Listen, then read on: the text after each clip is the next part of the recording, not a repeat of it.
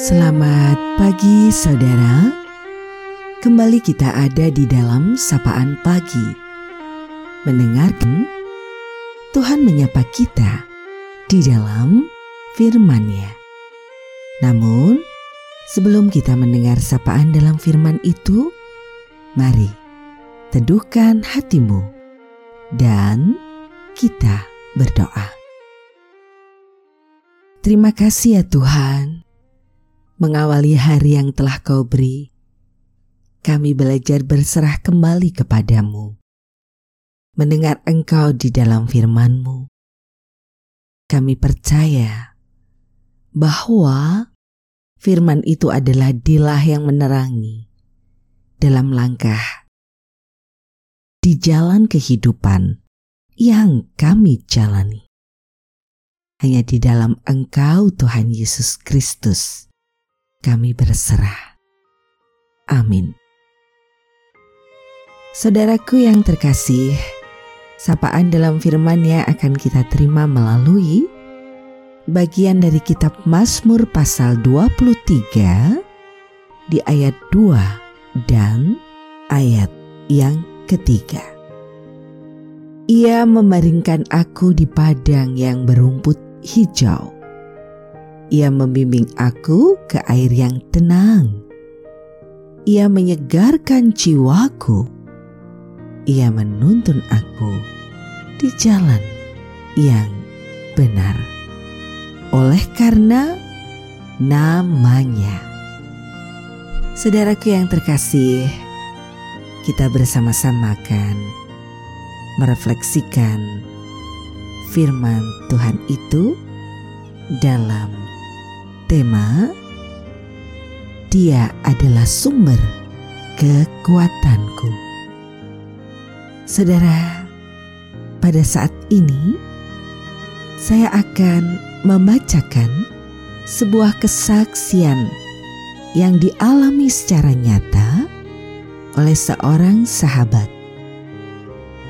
Inilah kisahku di 25 tahun yang lalu, saat aku masih bekerja secara aktif sebagai karyawan di perusahaan yang cukup besar, aku yakin bahwa apa yang aku alami adalah bagian dari karya kasih yang aku terima atas segala kebaikan Tuhan.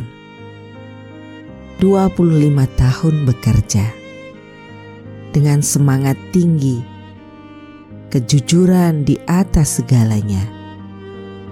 Ternyata tidak menjamin saya jauh dari masalah atau aman-aman saja di dalam posisi saya.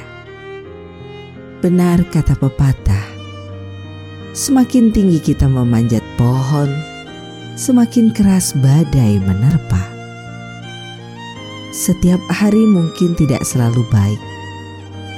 Ada saja masalah yang harus diselesaikan. Dari hal-hal kecil yang biasa, yang kemudian juga dapat teratasi sampai pada hal yang berat yang cukup sulit untuk bisa diselesaikan. Yang paling berat jika masalah itu menyangkut harga diri. Iya, harga diri. Setiap orang pasti akan sangat marah, kecewa, jengkel. Perasaan itu semuanya bisa bercampur menjadi satu dan hal inilah yang juga pernah saya alami. Beberapa hari kami hidup dalam kemarahan. Ya, kurang lebih lima hari kami marah karena harga diri kami terusik.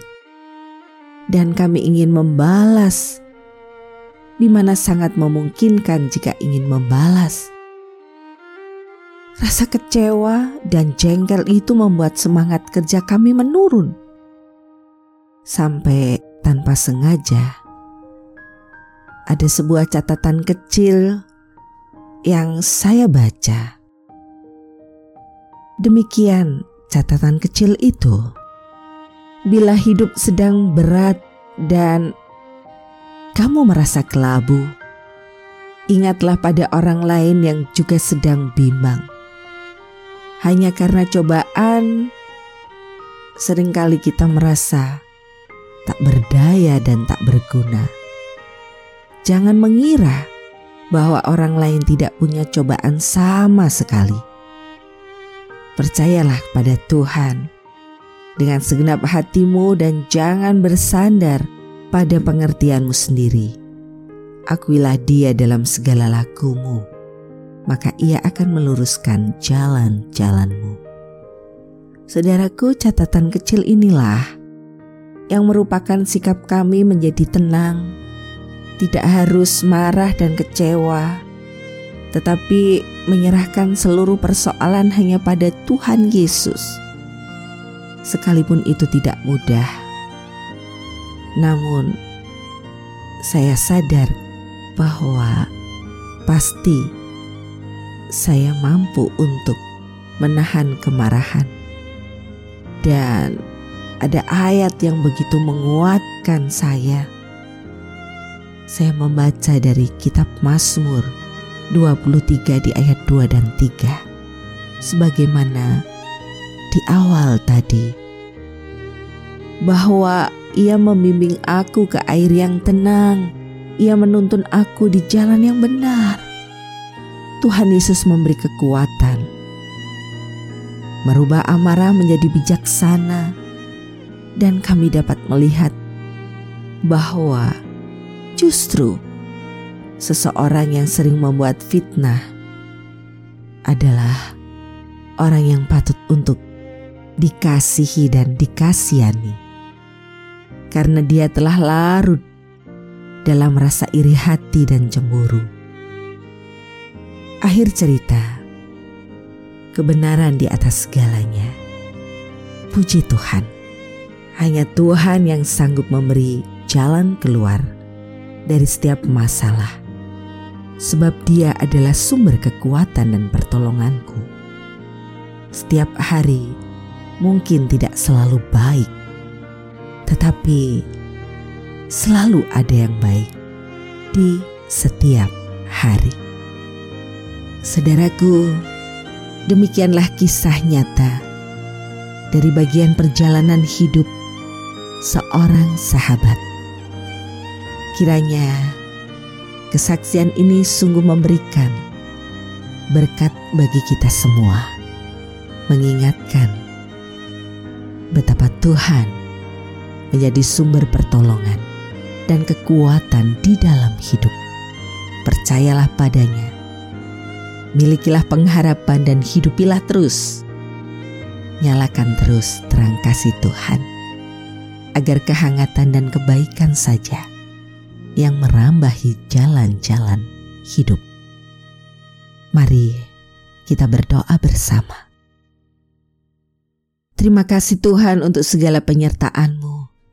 Terima kasih untuk kasih setiamu di sepanjang hidup. Terima kasih untuk pengharapan yang selalu Engkau nyalakan di tengah-tengah rapuh dan ringkihnya hati kami. Sehingga pengharapan itu menjadi pengharapan hidup kami. Agar sungguh kami melakukan apa yang baik dan berkenan kepadamu. Karena engkaulah sumber kekuatan dan damai sejahtera hanya padamu kami berserah di dalam Tuhan Yesus Kristus, sumber cinta kasih dan penolong yang sejati. Amin. Saudaraku, demikianlah sapaan pada pagi hari ini.